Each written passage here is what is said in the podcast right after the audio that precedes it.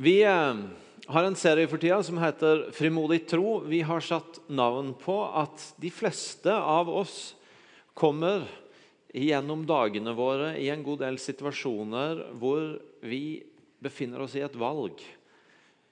Det er en mulighet. Vi settes i situasjoner hvor, hvor, hvor troa vår identifiseres, og hvor vi, hvor vi har en mulighet til å dele tro men hvor vi på mange måter settes på et valg mellom skal jeg se på dette som en mulighet til å fortelle om hva jeg tror på, eller skal jeg se på det som en situasjon jeg håper jeg kan smette ut av på et eller annet vis og komme meg rundt. Vi utfordres på om det å leve i en kultur hvor veldig mange stemmer forteller oss at tro er en privat greie som det er helt ok å ha hvis du ikke maser for mye om det ute i det offentlige. Og i en kultur hvor det kanskje er mindre og mindre plass i det offentlige for å snakke åpent og fritt om tro, så utfordres vi på i hvilken grad begrenser det vår frimodighet. Og hvordan tenker vi om det, og snakker vi sammen om det på en sånn måte at, at vi kan frimodiggjøre hverandre. Dette er ikke en serie for å gi noen av oss dårlig samvittighet eller kjenne på fordømmelse for de gangene vi ikke greip muligheten. Men dette er en serie vi har for, vi, fordi vi ønsker å hjelpe hverandre til å gripe mulighetene som ligger foran oss. Det er ikke en serie for å få dårlig samvittighet for det som ligger bak, men det er en serie for å snakke sammen og tenke nytt sammen om hvordan griper vi det som ligger foran oss. Og I dag så skal vi gå litt videre på det. Jeg har lyst til å bare begynne med å skape en liten assosiasjon. Spørre dere om dere av og til kan se på se på, for Hvis dere ser på nyheter eller i medier og hører noen snakker, og så, og så er det som om de prøver å presentere noe som egentlig er en dårlig nyhet, som om det er en god nyhet. Av og til kanskje du ser på politikere eller ledere eller i formiddag så brukte jeg et eksempel med fotballtrener Nils Johan Semb. husker jeg, når Han også, liksom trente Norge etter at Drillo hadde gjort oss vant til at Norge kommer jo alltid til fotball-VM, og vi slår gjerne Brasil og alt sånt. og så, så Plutselig så begynte vi å tape litt igjen, og så sier stadig vekk Nils Johan Sem han ble kjent for å si at må, vi må se bak resultatene når vi tapte. det var en sånn, Søren, nå kan du ikke bare si at dette var litt kjipt. da, Det var litt nedtur å tape. Men nei da, vi må finne noe positivt bak resultatene. Men jeg tar poenget noen ganger du ser på folk og så tenker du lurer på hvor mye du har betalt noen for å hjelpe deg til å klare å snu det som egentlig var dårlig, til at det skal høres ut som noe positivt. Og jeg jobber, jo far, og, vi trenger kanskje ikke å gå til, sånn, til nyheter. og sånn, Kanskje kan vi bare gå til oss, foreldre, oss som er foreldre noen ganger når vi skal selge inn noen ting til barna våre som som egentlig er litt sånn Det er ikke så kult, men bare prøver å pakke det inn, sukre pillen litt. liksom, sånn at det, eh, dette skjønner jeg jo at dette egentlig er bra. Eh, og min, min, erfaring så langt er at eh, jo mindre de er, jo større er sjansene for det. Og nå har jeg en gutt på ni år, og han ser stadig oftere litt mer spørrende på meg hvis jeg prøver meg på det grepet. Hva, hva går det i? Når Jesus i Markus 1 står fram sånn som Markus forteller om det, eh, og begynner sin offentlige tjeneste og sier tida er inne, Guds rike er kommet nær, vend om og tro på evangeliet. Så kan en lure på om det Jesus holder på med, er å sukre pilla litt. Fordi at det her sier Jesus, På den ene sida står det at han sto fram og forkynte evangeliet. Han sier tro på evangeliet. Og evangeliet eh, betyr Oversatt til norsk litt lettere å forstå enn ordet evangeliet. Det betyr gode nyheter. Han sier at 'jeg kommer med nye gode nyheter'. Nye godheter, ja. Gode nyheter. Eh, som eh, jeg, kommer med godt nytt til dere. Og Samtidig så sier han 'venn om'.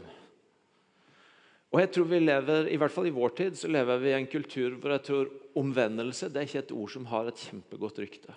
Det å snakke om at folk må vende om, det er ikke uten videre forbundet som gode nyheter.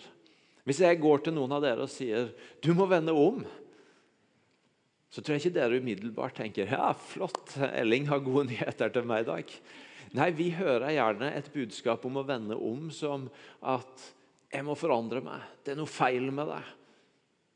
Og kanskje til og med ikke veien så lang fra å tenke på omvendelse til å lure på om det ligger noe som høres ut som fordømmelse baki der. Et ord som i utgangspunktet kan være litt sånn eh, Hvordan lander det? Og, og, og, og hva, hva, slags budskap er det til meg? Og så sier Jesus det er gode nyheter. Og du kan tenke Prøver du sukker og piller, Jesus? Det, kommer du egentlig med dårlige nyheter, men du prøver å forkle det? Martin Luther han sa jo det at synd, som er et annet ord som vi gjerne ikke har så godt rykte i vår tid. At synd, Definisjonen på synd det er i utgangspunktet ikke masse sånn konkrete handlinger. Men han beskrev synd, definerte synd som å være innkrøkt i seg sjøl. Å være fanga i seg sjøl. At du på en måte det er en tilstand hvor du, hvor du ikke du, du, klarer ikke å bli fri fra ditt eget, fra dine egne løsninger, dine egne tanker, ditt eget perspektiv på ting, dine egne bindinger og dine egne valg. Du er fanga i dine egne greier. Og Hvis det er sant, og jeg tror det er sant, og hvis omvendelse ikke primært betyr du har masse feil, men det greske ordet betyr skifte sinn, vende blikket, så går det også an å tenke at omvendelse handler veldig mye om å vende blikket, om å bli satt fri fra å være fanga i seg sjøl, til å få vende blikket på Han som har skapt oss, som har andre tanker, som har andre bilder, som har andre perspektiver, som har helt andre løfter over livet vårt enn det vi blir værende i hvis vi blir fanga i oss sjøl. Og Hvis du skal konkretisere det, så, så kan, du, kan, du, gå på en haug med områder. Jeg er småbarnsfar, som jeg sa, og det er lett for meg å bruke mange eksempler derfra. Jeg vet at det er sånn med oss småbarnsfedre at, at når det dukker opp ord i Bibelen som, som snakker om fred, det er som å helle vann i ørkenen for oss småbarnsforeldre. Fred, liksom. Ja, det, det vil jeg ha. Fordi at vi føler vi sover for litt, og vi kaver og løper rundt og skifter bleier og kjører på aktiviteter. og holder på. Eh, og, så, Ja, fred, det vil jeg ha. Det må jeg ta i. Det ordet skal jeg meditere på i ei hel uke. Eh, og, så, og så er jo det bra. Men så blir veldig ofte kanskje konsekvensen en del av oss trekker av at ja, denne freden må jeg ha tak i. Det er at, at en begynner å tenke på hvordan må jeg organisere livet mitt annerledes. Hva, hva, er det jeg må endre i kalenderen min, hva er det jeg må endre i forpliktelsene mine? Hva er det som må se annerledes ut for at jeg skal få tak i den freden som står om her? Og så er jeg fanga. Så blir fred det jeg klarer å organisere fram. Og så blir jeg på mange måter fortsatt fanga i mine egne løsninger. Når den freden Bibelen beskriver, det er jo en fred som overgår all forstand. Det er jo en fred som ikke bare lar seg organisere fram fra min kalender, men som kan vedvare i enhver situasjon og enhver storm. Det er en fred som er noe helt annet. Og det å bli omvendt og få skifte sinn, det er jo å bli satt fri fra å være fanga i mine egne løsninger til å få tatt blikket på og få tatt imot hans løsninger, hans perspektiv, hans frihet i møte med de tinga jeg er fanga i. Og Plutselig så oppdager jeg at omvendelse er kanskje ikke dårlige nyheter forkledd som gode nyheter, men det er, i den grad det er noe dårlig nytt der, så er det å vende seg fra dårlige nyheter om min egen begrensning til gode nyheter om hvem han er. Og det er faktisk gode nyheter. Jeg opplever i den tida hvor vi snakker om frimodig tro, at noe av det som utfordrer oss, er at vi kan være litt utrygge på om vi har gode nyheter å komme med til folk rundt oss. Vi er litt usikre på om dette budskapet vårt, som, som ikke alltid bare bekrefter og stryker med håra, men som også utfordrer litt, og som har det perspektivet i seg Vend om. Tenk annerledes. Ta imot noe som ser annerledes ut enn verden rundt oss. Er det gode nyheter? I Apostlenes gjerninger 3 så, så eh, møter vi Peter. Og Peter og Johannes de skal opp til tempelet, og ved fagerporten så sitter det en mann som er blind, og som tigger om gaver. Og Så står det at når han så Peter og Johannes som var på vei inn, så ba han om en gave. De så fast på han og sa, Peter, nei, og Peter sa, 'Se på oss.' Han gjorde det og håpa de ville gi han noe, men Peter sa, Sølv eller gull har jeg ikke, men det jeg har, det vil jeg gi deg. I Jesu Kristi Nasareens navn, reis deg og gå. Og han greip han i høyre hånd og reiste han opp. Straks fikk han styrke i føttene og anklene. Han sprang opp, sto på føttene og begynte å gå omkring. Han fulgte dem inn i tempelplassen, hvor han snart gikk, snart sprang, mens han sang og priste Gud. For en fantastisk historie om en mann som satt og var blind og håpa å få noen kroner for å klare seg gjennom denne dagen og kanskje inn i neste. Og i løpet av noen øyeblikk så er han helbreda og har fått en helt annen inngang på livet sitt. Fantastisk. Og særlig fantastisk for oss som står på den sida av historien og bare kan feire utfallet av den.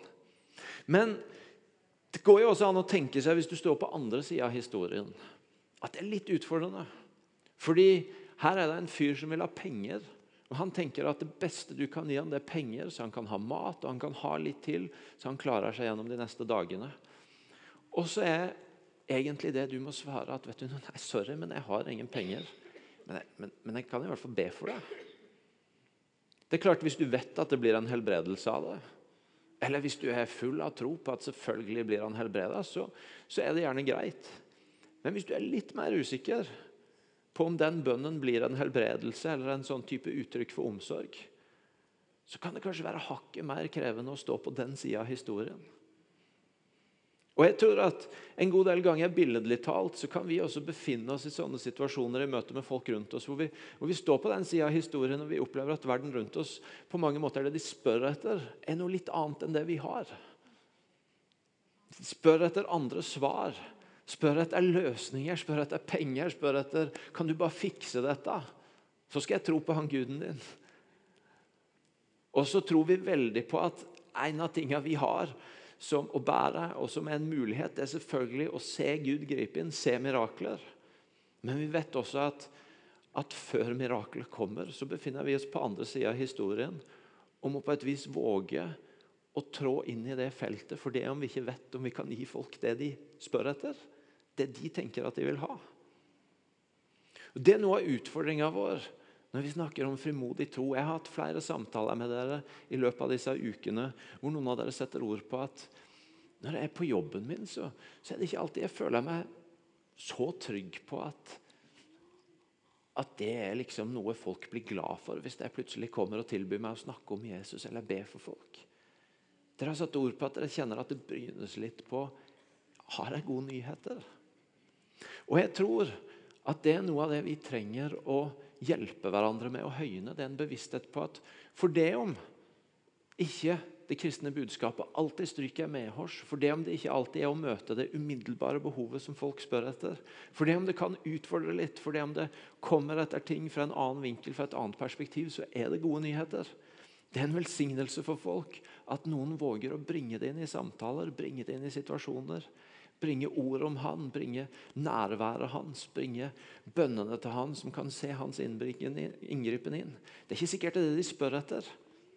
Men som denne mannen her, hvis de får det, så var det kanskje dypest sett det de allikevel ville ha.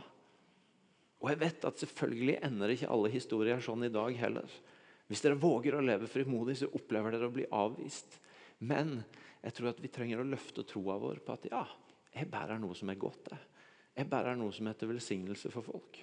Og jeg har lyst til at dere skal møte noen i dag. Vi skal begynne med Liv Eva. Ei kul dame som jobber her. Hun må dere ta godt imot.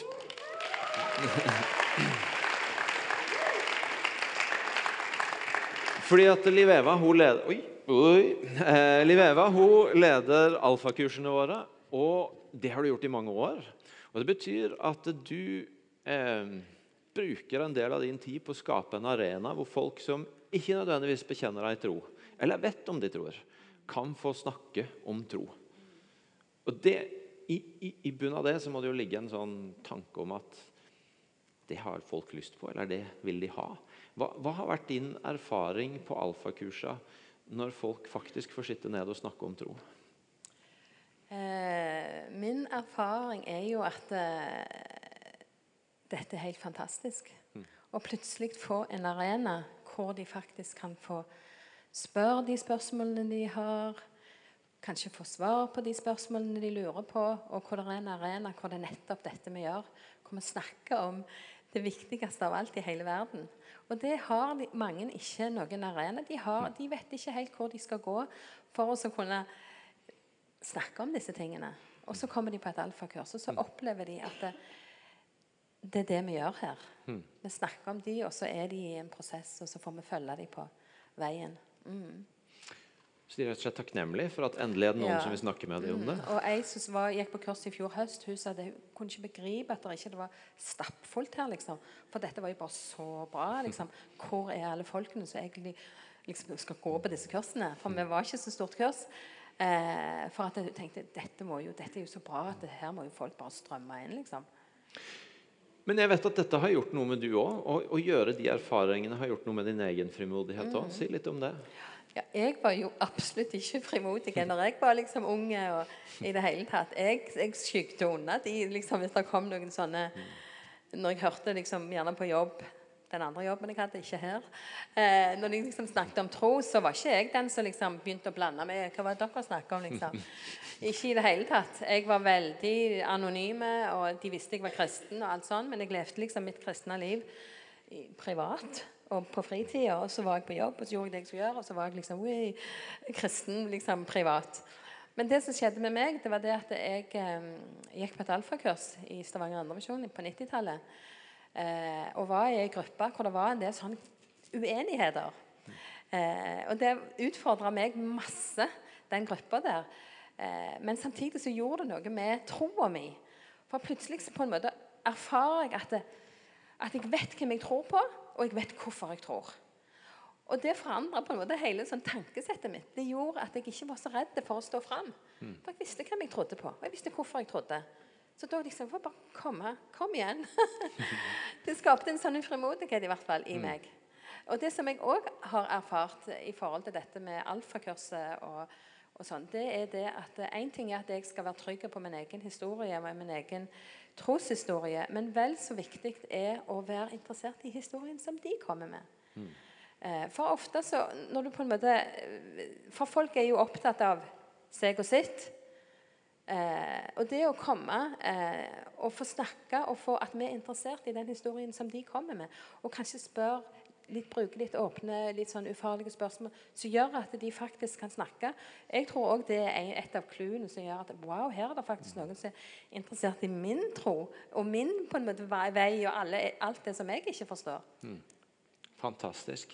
Du, eh, kan folk eh, melde seg på alfakurs eh, på nytt, bare for å spørre om det? Ja, det kan de faktisk. Og nå er påmeldingen åpen på imekirken.no hvis dere vil gå inn der. Det begynner Det begynner 23. januar. Eh, For det som også er, det er det at eh, du, hvis du syns kanskje det er vanskelig å snakke om dette med tro, og vet ikke helt hva du skal gjøre, og hvordan du skal si, eller kanskje du, ja, så tenker jeg at eh, i hvert fall så har det gjort det med meg. Eh, det å få utsette meg sjøl for ei sånn gruppe, alfagruppe, utsette meg sjøl for alle disse spørsmålene, utsette meg sjøl for, for eh, ti kvelder hvor vi snakker om dette med tro, og Den hellige ånd og det onde og hele pakken, så kan det skape den samme frimodigheten som det skapte i meg på 90-tallet. Altså. Takk skal du ha, Liv Eva.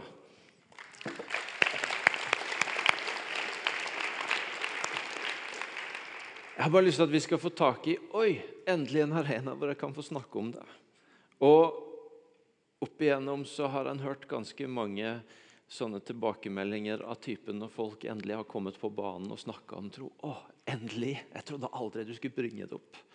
Jeg tror det er ganske mange folk som venter på muligheten, som venter på arenaen, og hvor vi er koblingspunktet. Og hvor, hvor som Liveva forteller om fra Alfa, at oi, når arenaen kommer, så er faktisk det kjærkomment. Så er det jo sånn at ikke det å være frimodig på tro ikke bare handler om muligheter som skjer her på huset, men det handler jo selvfølgelig om hverdag, om arbeidsliv, om de stedene vi befinner oss. Og Dere Jeg skal få møte en til. Han har tatt turen helt fra ut på Jæren, reist inn i dag for å være sammen med oss både i formiddag og i kveld. Så han må dere gi en skikkelig applaus opp. Han heter Steinar.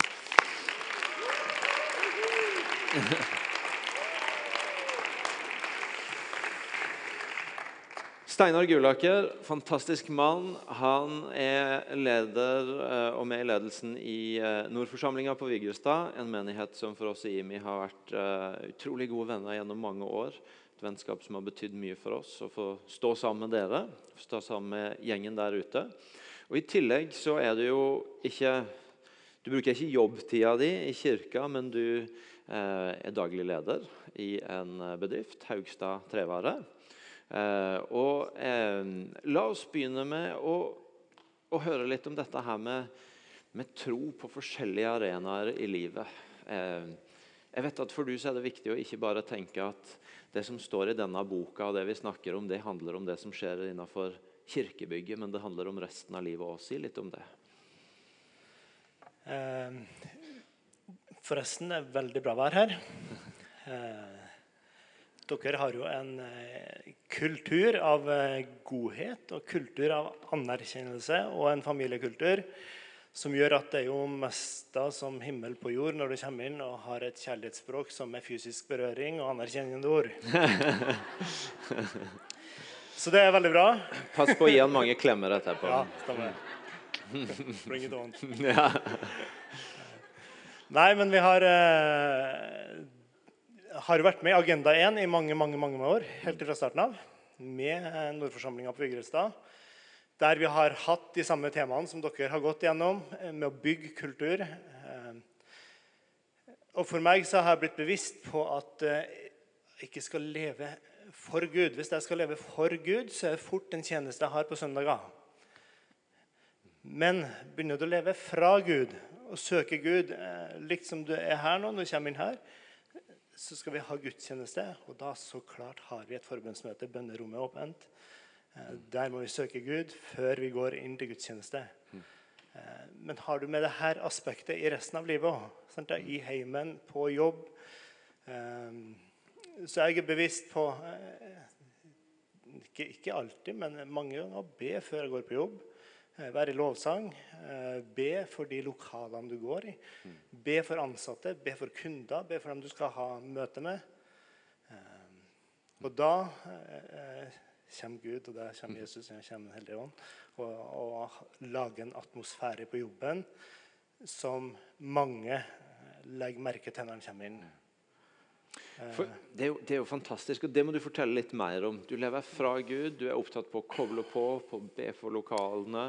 Og så vet jeg at du egentlig kunne brukt resten av kvelden på at du fortalte historier. Men, men gi oss noen eksempler på hvordan det manifesterer seg i jobbhverdagen din.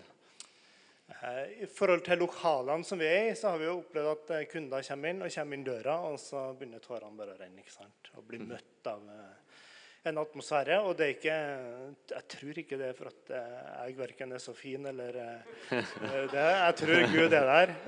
Så det, du kan bli rørt, da, men Så eh, eh, På samme måte så hadde jeg en sjåfør kjørt for skjenker, kjører varer. Sto plutselig sivil. Aldri snakka med noen om tro.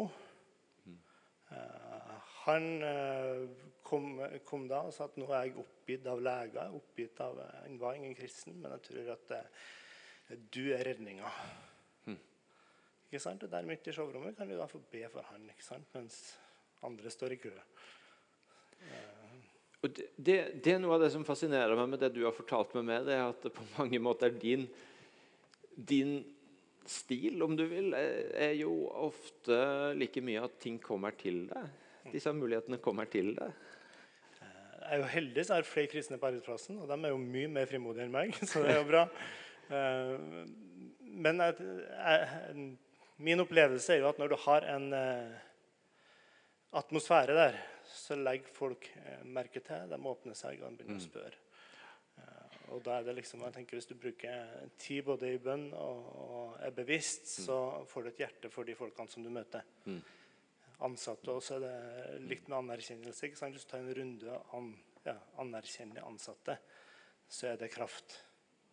Kraft til å mm. skape en kultur. og ja. Ja, for Du har sagt til meg at du har tatt sånn som det med anerkjennelseskultur, noe du har lært i kristne sammenhenger, kirka, og så har du bare tatt det med deg inn i jobben, og så ser du at det funker å bruke Guds rike prinsipper der òg. Ja, Agenda 1 er jo et veldig bra eksempel. Det er jo veldig mye ledertrening eh, for menigheter. Men jeg mener at det er jo ikke noe skille mellom menighet og, og jobb. Det funker akkurat like godt i jobb.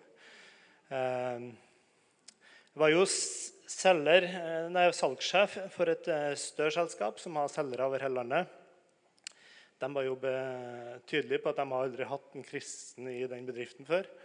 Så, så du kommer inn og vet er den første og per nå eneste kristne i hele bedriften? Ja. ja. Eh, Så de var ofte samla på én plass, så var jeg på Skype. Og da eh, var det alltid litt sånn eh, spøkefull tone når jeg kom på skjermen. At nå, nå blir det andakt, nå kommer Steinar på skjermen. ikke sant? Og Da skulle vi ha salgsmøte og ha om salgsstrategi. Og Da greip jeg jo sjansen, så da eh, sa jeg at den boka her sant, Det er jo mest solgte boka som er. Og da må vi i alle fall bruke salgsstrategiene som er i den boka. Så da tok jeg Lukas 10, der eh, Jesus sendte ut eh, de 70. Så når dere kommer til en bedrift, så hils dem med fred. Se etter fredens mennesker. De som inviterer dere inn, dem går dere inn til. Og de som ikke vil ha noe med dere å gjøre, da går dere bare videre. Ehm, så får dere komme inn, da skal dere spise og drikke det dere får bli tilbudt. Ofte er det kaffe og kjeks. Så ta imot den kaffen og den kjeksa, og så har du en samtale med dem. Jesus han møtte behov, han helbreda. Men eh, dere må jo stille spørsmål og lytte til kundene deres. Hva behov har dere? Eh, og til slutt så er det liksom forkynt at Guds rike kommer nær, og forkynn evangeliet. For dere er det da produkter, geniale produkter og, og, og nyheten om da, da bedriften, ikke sant? Og, eh, så, så litt tull, men så kan du få vise at det her er jo faktisk praktisk, og det er jo et salgsredskap som bare funker. Bruker det i dag òg. Fantastisk, altså. Du Ja, dere kan få lov til å klappe for det.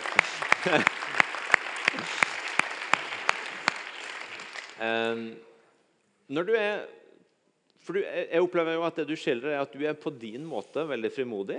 Det, det, du sier jo at du opplever du har kolleger som på mange måter er mer frimodige på å snakke om tro, men du er frimodig ved å anvende det, det Gud har gitt deg, inn i det som er dine utfordringer, og du er frimodig på å gripe de mulighetene når den sjåføren står der. Får, du, får du noen tilbakemeldinger på, på hva det betyr for folk å møte den, den kulturen du er med på å skape, og det frimodige livet? Ja, vi har eh, veldig gode tilbakemeldinger fra kunder. Og, eh, og det går jo på at det er godt, godt å være. Godt å være med oss, eh, godt å møte oss. ikke sant? Det går veldig sjelden på hvor eh, unike produkter det er. sant? Du kan gå rett over veien, så har du samme produktene på nabobedriften. Så det er jo ikke en... eh, det er jo ikke det det går i. Eh, Men det er relasjoner tenker jeg, i menighet, i familie, i næringsliv. Så det er relasjoner som betyr noe. Se folk og bli glad i dem du møter. Jeg er glad i leverandører, jeg er glad i kunder og jeg er glad i ansatte. Du sa at det til og med er noen som kommer inn bare for å være der litt. Fordi det er godt å være der. Ja. Hadde en som var en eh, selger som var i distriktet, som da hadde med seg sjefen som satt i Oslo. Som kom med fly fra Sola. Han tok turen, De skulle møte i Stavanger. og Da tok de turen ut til Jæren bare for å Den kom uanmeldt, da, så jeg måtte spørre hva de gjorde der. Så Da spurte han om han kunne få en kopp kaffe, for han måtte, han måtte bare eh, la han sjefen da, få kjenne på hvordan fred det var i lokalet. Så de, de fikk en kopp kaffe, satt der, og, og så satt de en stund, og så snakka jo ikke med dem engang. så kjørte de videre inn til Stavanger. Ja. Wow. Så det er jo Fantastisk. Hvis du skulle gi en oppmuntring til folk her på dette med frimodighet på tro i arbeidslivet, hva ville du sagt da? Jeg tenker det er Bruk de midlene. Selv på, I menighet så er det jo veldig eh, Veldig lett å søke Gud. Både før og etter og i lovsanger. Men, men ta med Gud inn i alle ting du gjør. altså For han, eh, han eh, åpner, åpner veier. Eh, Gud gir oss og jeg tror vil gi eh, oss ledende posisjoner i mange ting. Jeg tror ikke at dette gjelder for min bedrift, men det gjelder for lærere, det gjelder for stortingspolitikere. Det, Gud vil reise opp, eh, reise opp kristne som ønsker å få visjoner fra han og bringe det ut. Mm. I 5. Mosebok står det jo om at Gud vil at vi skal være hode, ikke hale. Han vil alltid sette oss høyere, ikke lavere. Eh, og jeg tror det gjelder like mye i næringsliv og i politikk og på skoler som det er ellers. Og bruk det. Gud gir visjoner. Ja, han gir visjoner på jobb, men han gir visjoner i heimen òg. Han kan gi det for eh, familien din, han kan gi det for eh, menigheten din. Så det, Du, Fantastisk. Det er så kjekt å høre på deg. Takk for at du tar turen fra Vigrestad og inn hit for å være sammen med oss. Vi må anerkjenne han med en applaus. Takk skal du ha.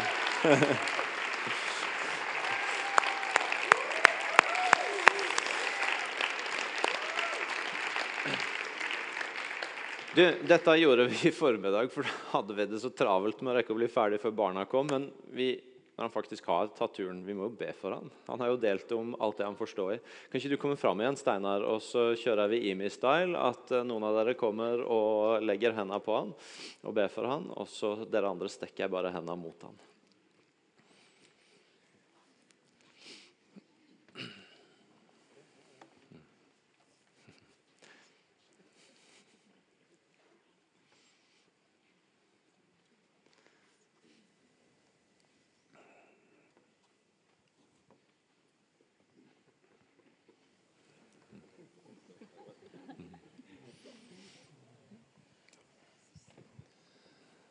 Takk, far, for at du eh, er til stede.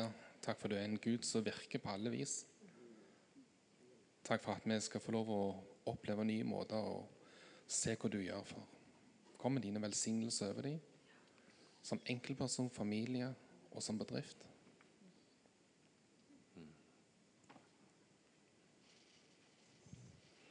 Herre, jeg takker deg for at eh, du er Herren til Steinar.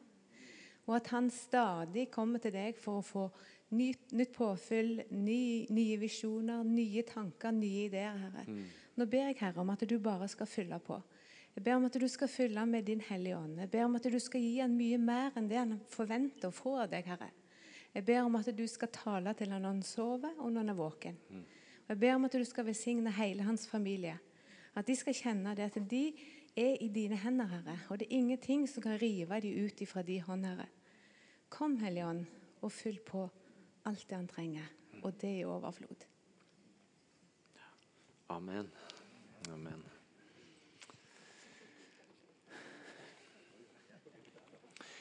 Det er utrolig inspirerende å høre om. og deler disse historiene dels for at særlig dere som er, kan være i like situasjoner som Steinar, kan bli inspirert og få praktiske ideer, og at vi alle kan få inn noe av det budskapet hans om å leve fra Gud mer enn for Gud. at Mer enn at vi har noen punkter hvor vi tjener Han, så er det hele livet.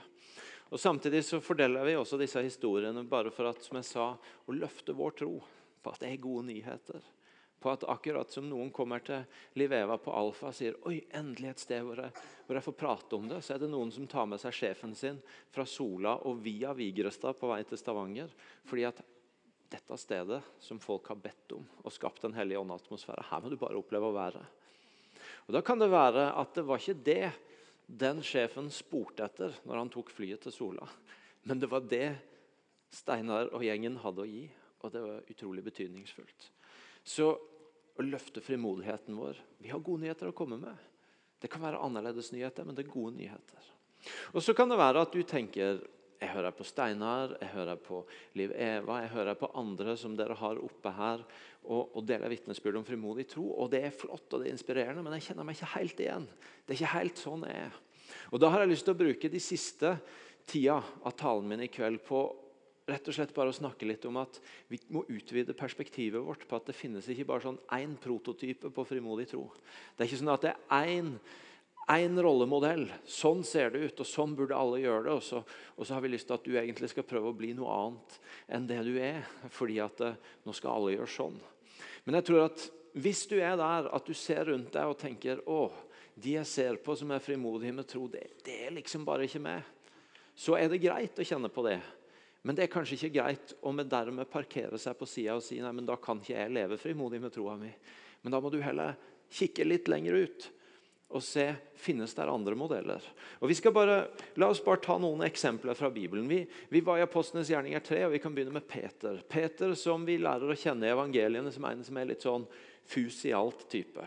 Framerst på stolen, oppe på tærne, tar ordet først, er rett på en ufaglært type fisker som på en måte lærer mens han går sammen med Jesus, men som har en sånn eh, veldig tydelig og frampå personlighet. Og I Apostlenes gjerninger 3, etter denne helbredelsen, så blir det jo diskusjon om hva skjedde her. Hvorfor ble denne blinde mannen helbreda, og, og hva handla det om? Og Så får Peter en mulighet til å forkynne evangeliet, og han er ganske rett på. Han sier sånne ting til dem som at dere fornekta den hellige og rettferdige og ba om å få løslatt en morder. Men livets opphavsmann drepte dere. Han som Gud reiste opp fra de døde. Det er vi vitner om. Peter han, han stryker ikke liksom akkurat med håret. Han bare går rett inn og konfronterer på at dette er den mann Gud sendte, og som dere første mulighet avviste. Og så, blir det Peters mulighet til å forkynne evangeliet. Og, og, vi ser hvordan historien går fram, at ved hans sånn direkte, tydelige måte så er det mange som kommer til tro. Og For noen så er det måten å formidle troa på. Det er rett og slett at, at det ligger bare naturlig å være ganske direkte, ganske rett fram. Jeg husker jeg kjente en ungdomsleder en gang som var litt sånn med ujevne mellomrom. Så, så bare satt han øya i noen av disse litt tøffe tenåringsgutta og så sier han, 'Ditt problem det at du er så utrolig usikker, du.' og, og, Da bare tenkte jeg ja, det, det, det skulle vært meg som hadde gjort det. Ikke, det hadde vært litt out of character. Men for han så var det slightly out of character. Men for han så var det den helt naturlige måten å operere på. Og flere ganger, eller veldig ofte så fikk han gode samtaler om tro, og flere ganger så fikk han lede dem til Jesus. Fordi at det var hans form, det var hans naturlige måte. Og For noen så er det mer naturlig enn andre å bare være up front. Dette er meg, dette er troa mi. Eh, hun jeg skal snakke om nå, jeg, kan, jeg, jeg skal ikke si at hun eh, nødvendigvis kjennetegner seg alt jeg har brukt som karakteristikk her nå. Men jeg, jeg, hørte en inspirerende historie. Jeg har fått lov til å fortelle den av, Hun kunne ikke være her selv, men Hilde ei i menigheten vår feira 50-årsdagen sin sist helg. og Samla mange venninner, mange damer, troende og ikke-troende, på ei hytte oppe i, uh, oppe i uh, tror jeg det var, eller Sirdalen. Og, og, og, Hun begynner dagene med å ha sånn andaktsord for dagen. Og det tenker jeg, Da er du ganske, er du ganske rett på. Hvis du på en måte er der at ok, her er det kristne og ikke-kristne, og vi samles og vi skal ha 50-årsdag. er liksom vignetten, Men vi begynner med et andaktsord. Da tenker jeg det, det er kult gjort. Det er frimodig gjort. Og for noen så er det måten å gjøre det på. Men så er det jo sånn at i Apostlenes gjerninger så møter du også en annen ganske tydelig rollemodell. Han heter Paulus, og han er en veldig annerledes type enn Peter. Paulus han er jo ikke en ufaglært fisker, men han er jo en intellektuell. Han er jo en som har gått hele skolen, er lært i Skriftene, og som, og som er veldig høyt utdanna, og som har hatt et radikalt møte med Jesus som gjør at nå, nå er det Jesus han, han fighter for. Og, og, Når du leser brevene til Paulus, så ser du at her er en fyr som, som er skarp, som kan argumentere, som bygger opp sånne lange argumentasjonsrekker, og som, og som på en måte, før noen har rukket å opponere Det er jo ikke så lett å opponere i et brev, så bare tar han inn, og Da kan det hende at noen sier det, men da sier jeg det. Så han på en måte, han ligger flere tankerekker foran. Og Når han kommer til Aten og han møter all religiøsiteten som er der, så tar han ikke Peters metode. og på en måte Der Peter går inn til disse i Jerusalem, og dere drepte Guds hellige, så går ikke han inn og rett på på en måte dere vantro, dere avgudsdyrkere. Men han, han, tar en helt annen tilgang, inngang. Han, han sier jo at jeg ser at dere på alle måter er svært religiøse. For da jeg gikk omkring og så på helligdommene deres, så fant jeg et alter med denne innskriften. For en ukjent Gud. Det som dere tilber uten å kjenne, det forkynner jeg dere. Gud, han som skapte verden og alt som er i den, han som er herre over himmel og jord, han bor ikke i templer av menneskehender. Han trenger heller ikke noe av det som menneskehender kan tjene han med. Det er jo han som gir liv og ånde, ja, alt til alle. Paulus han, han går på en helt annen måte inn på disse her religiøse, filosofiske atenernes premisser. Og så begynner han å snakke på deres banehalvdel. Og For noen så er det det naturlige. Det, det er egentlig å bruke det skarpe hodet en har fått, og den interessen en har for kunnskap og for å bygge tankerekker, og møte folk som nettopp opplever at der ligger snublesteinene. At i de vanskelige spørsmålene, i de intellektuelle problemstillingene, i forholdet tro og vitenskap, så er det utfordringer. Og så, og så er det for noen mye mer naturlig å gå inn i det. Jeg husker For noen år tilbake så satt jeg med to sånne utrolig skarpe folk i vår menighet. To brødre, Jarl og Inge Frette, som, som har brukt masse tid på å sette seg inn i det med tro og vitenskap. og, uh, utrolig skarp. Og Så sier han ene av dem at jeg, jeg ble opptatt av hvordan kan jeg elske Gud med tanken min. Utrolig fint sagt. fordi at eh, Vi skal være ærlige og si at i en menighet som vår, som så lett og sterkt betoner relasjonen med Jesus, ofte snakker om erfaringer og opplevelser, så kan det uten at vi mener det, bli en sånn liten slagside hvor uten at vi sier det, så kan det høres ut som at det der med kunnskap, med det intellektuelle med å, det, det, det er ikke så verdifullt. Fordi at vi sier sånne ting som at Bibelen er ikke for kunnskap, men for kjennskap. og eh, Vi er ikke opptatt av bare å få store hoder som kristne, men store hjerter. Og så, og så mener vi ikke å si det, men så kan det likevel bli en sånn undertone av at den der intellektuelle tilnærminga ikke er så betydningsfull. Men så er det jo, som han sa, det trenger jo ikke være en motsetning. Jeg hadde lyst til å elske Gud med tanken min. Og så vet vi nettopp at der noen av oss når inn på andre måter, så er det helt avgjørende at noen bruker det intellektet de har fått, til å formidle troa på den måten. Jeg satt med en annen en i vår menighet, Trygve. Han er frivillig stab for Agenda 1. og Jeg satt med han tidligere denne uka.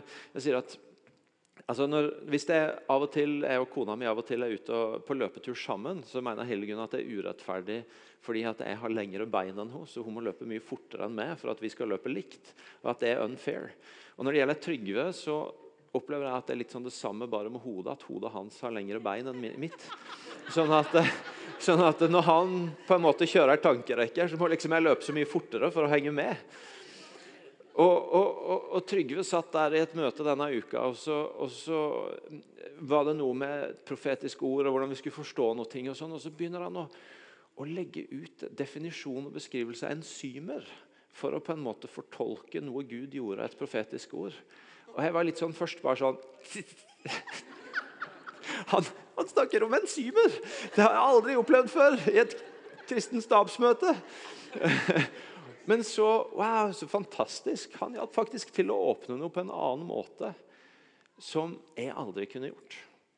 Og For noen så er stemmen å være den mer intellektuelle, den som faktisk kan ta noen steg i tanken som vi andre ikke gjør så unaturlig. Og jeg har lyst til å si til deg, Hvis du er en av de, og, og, og du av og til kjenner at, at, en del av det språket vi snakker her foran, er sånn Det er fint, og jeg vil ha tak i det dere snakker om, og jeg lar meg begeistre av det. Men, men, å se for seg at jeg skulle bare kopiere det du sier, og bruke det når jeg skal snakke med folk på min arbeidsplass, det, det er liksom bare ikke helt mine ord, mitt språk. Helt ok. Finn ditt språk, bruk ditt intellekt. Og hvis, hvis, du ikke finner modeller her, så se andre steder. Men, men, men, det er også en variant vi trenger. Og så I Johannes 9 så er det enda en som er blitt helbreda, som var blind. Og, og han, prøver de også, han prøver de å dra inn i en teologisk diskusjon. De vil diskutere med han om eh, eh om, om, om, Jesus er en synder eller ikke. De sier 'gi Gud æren', for vi vet at dette mennesket, altså Jesus, er en synder. Og Så står det et utrolig interessant svar når han sier han svarte om han er en synder, det vet jeg ikke, men dette vet jeg. Jeg var blind, og nå ser jeg. Det dere vil ha meg til å diskutere, det, det vet jeg egentlig ikke så mye om. Så det vil jeg, jeg, jeg, jeg vil ikke være med inn i, i den diskusjonen. Men jeg vet én ting, og det er det Gud har gjort i livet mitt. Jeg vet at jeg var blind, og nå ser jeg. Og For noen så er det det som er den mest naturlige måten å presentere troa si på for andre. Det er at vet du noe, sorry, du, du spør meg om det ondes problem, og jeg skjønner at det, det er en issue, men, men, jeg vet ikke om jeg er den beste til egentlig å gå inn i den diskusjonen med deg. Men, men jeg vet dette her. Og det er at dette gjorde Gud i livet mitt. Det kan jeg godt fortelle deg om. Og for noen, Vi, vi har snakka tidligere i denne serien om troshistorie. og det, det, det, er en innfallsvinkel til det. Men det kan også være å bare ta helt konkrete enkelthistorier om ting Gud har gjort. og ja, men dette, dette vet jeg, og dette kan jeg fortelle deg om hvem han er. Dette har jeg opplevd sjøl. Og, og, som vi bruker å si, det er helt ok i Guds rike å rappe andres vitnesbyrd. Og Det betyr at hvis du ikke har et ferskt sjøl, så kan du faktisk si ja, men dette vet jeg at Gud har gjort. For dette gjorde han i kirka mi, eller i en i kirka mi sitt liv. Eller, eh, og, så, og, så, kjenner jeg flere av dere som jeg vet at bare samler på vitnesbyrd, og som har situasjoner hvor dere, hvor dere samler opp vitnesbyrd og hele veien sørger for å mate inn, for å mate inn tro. Det er ikke, det er ikke diskusjonen som er, som er deres vei inn, men det er disse historiene. Dette vet jeg.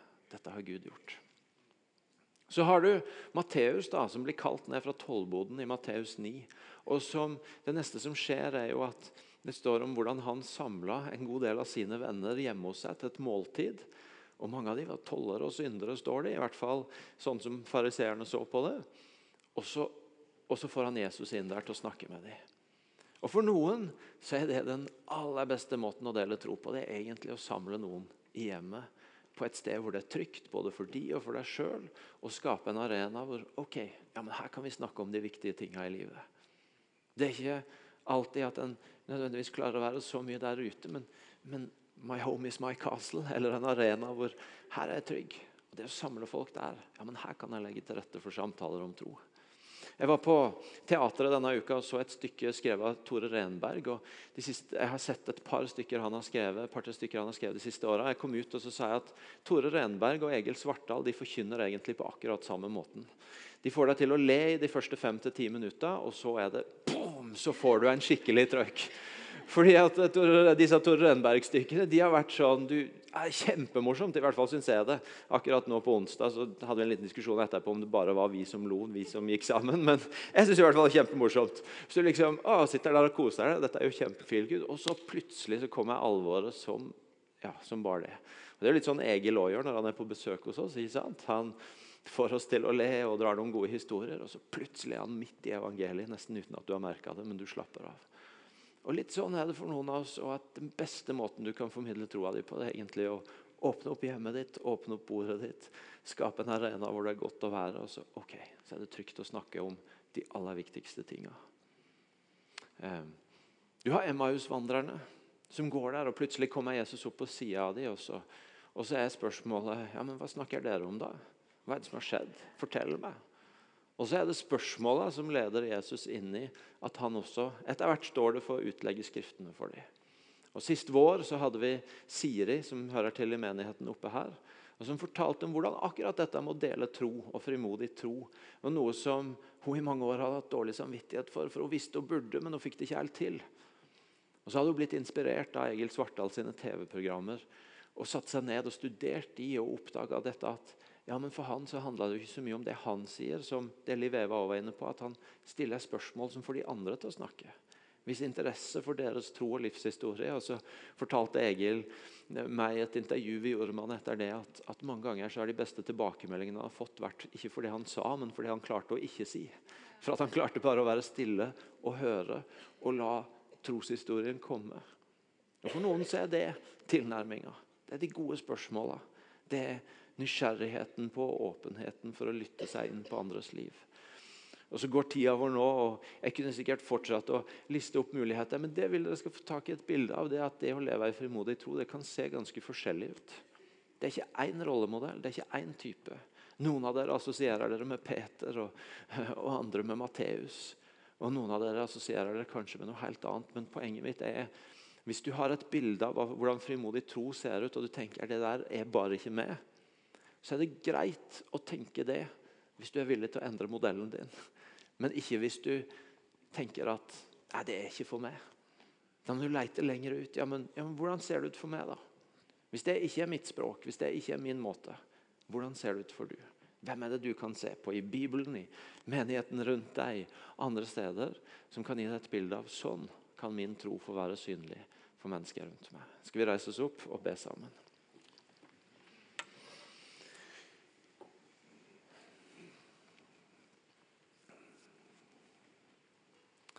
Helligånd, jeg har lyst til å invitere deg til å komme og eh, ta tak i den enkelte av oss som trenger bare en sånn fornyelse i vår frimodighet på at evangeliet er gode nyheter.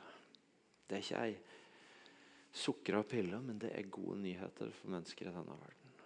Bruk de historiene vi har hørt i dag, bruk historier vi har fortalt før, bruk minner fra vårt eget liv. og Bare løft opp i oss igjen at det er gode nyheter som kan hjelpe oss til å være frimodige. Og så takker jeg deg, gode far, for at du har skapt oss så forskjellig. Ikke for at vi skulle bli like, men for at vi skulle få være forskjellige og få leve med deg og fra deg og for deg. Så forskjellige. Derfor så ber jeg deg om at også når vi jobber med dette med frimodig tro. At det ikke skal bli en arena for sammenligning, men for å finne vår egen vei i det. Tal til den enkelte nå om, om, om, om bilder han har, om modeller han har, om erfaringer han har, som gir en pekepinn på at ja, men dette er meg.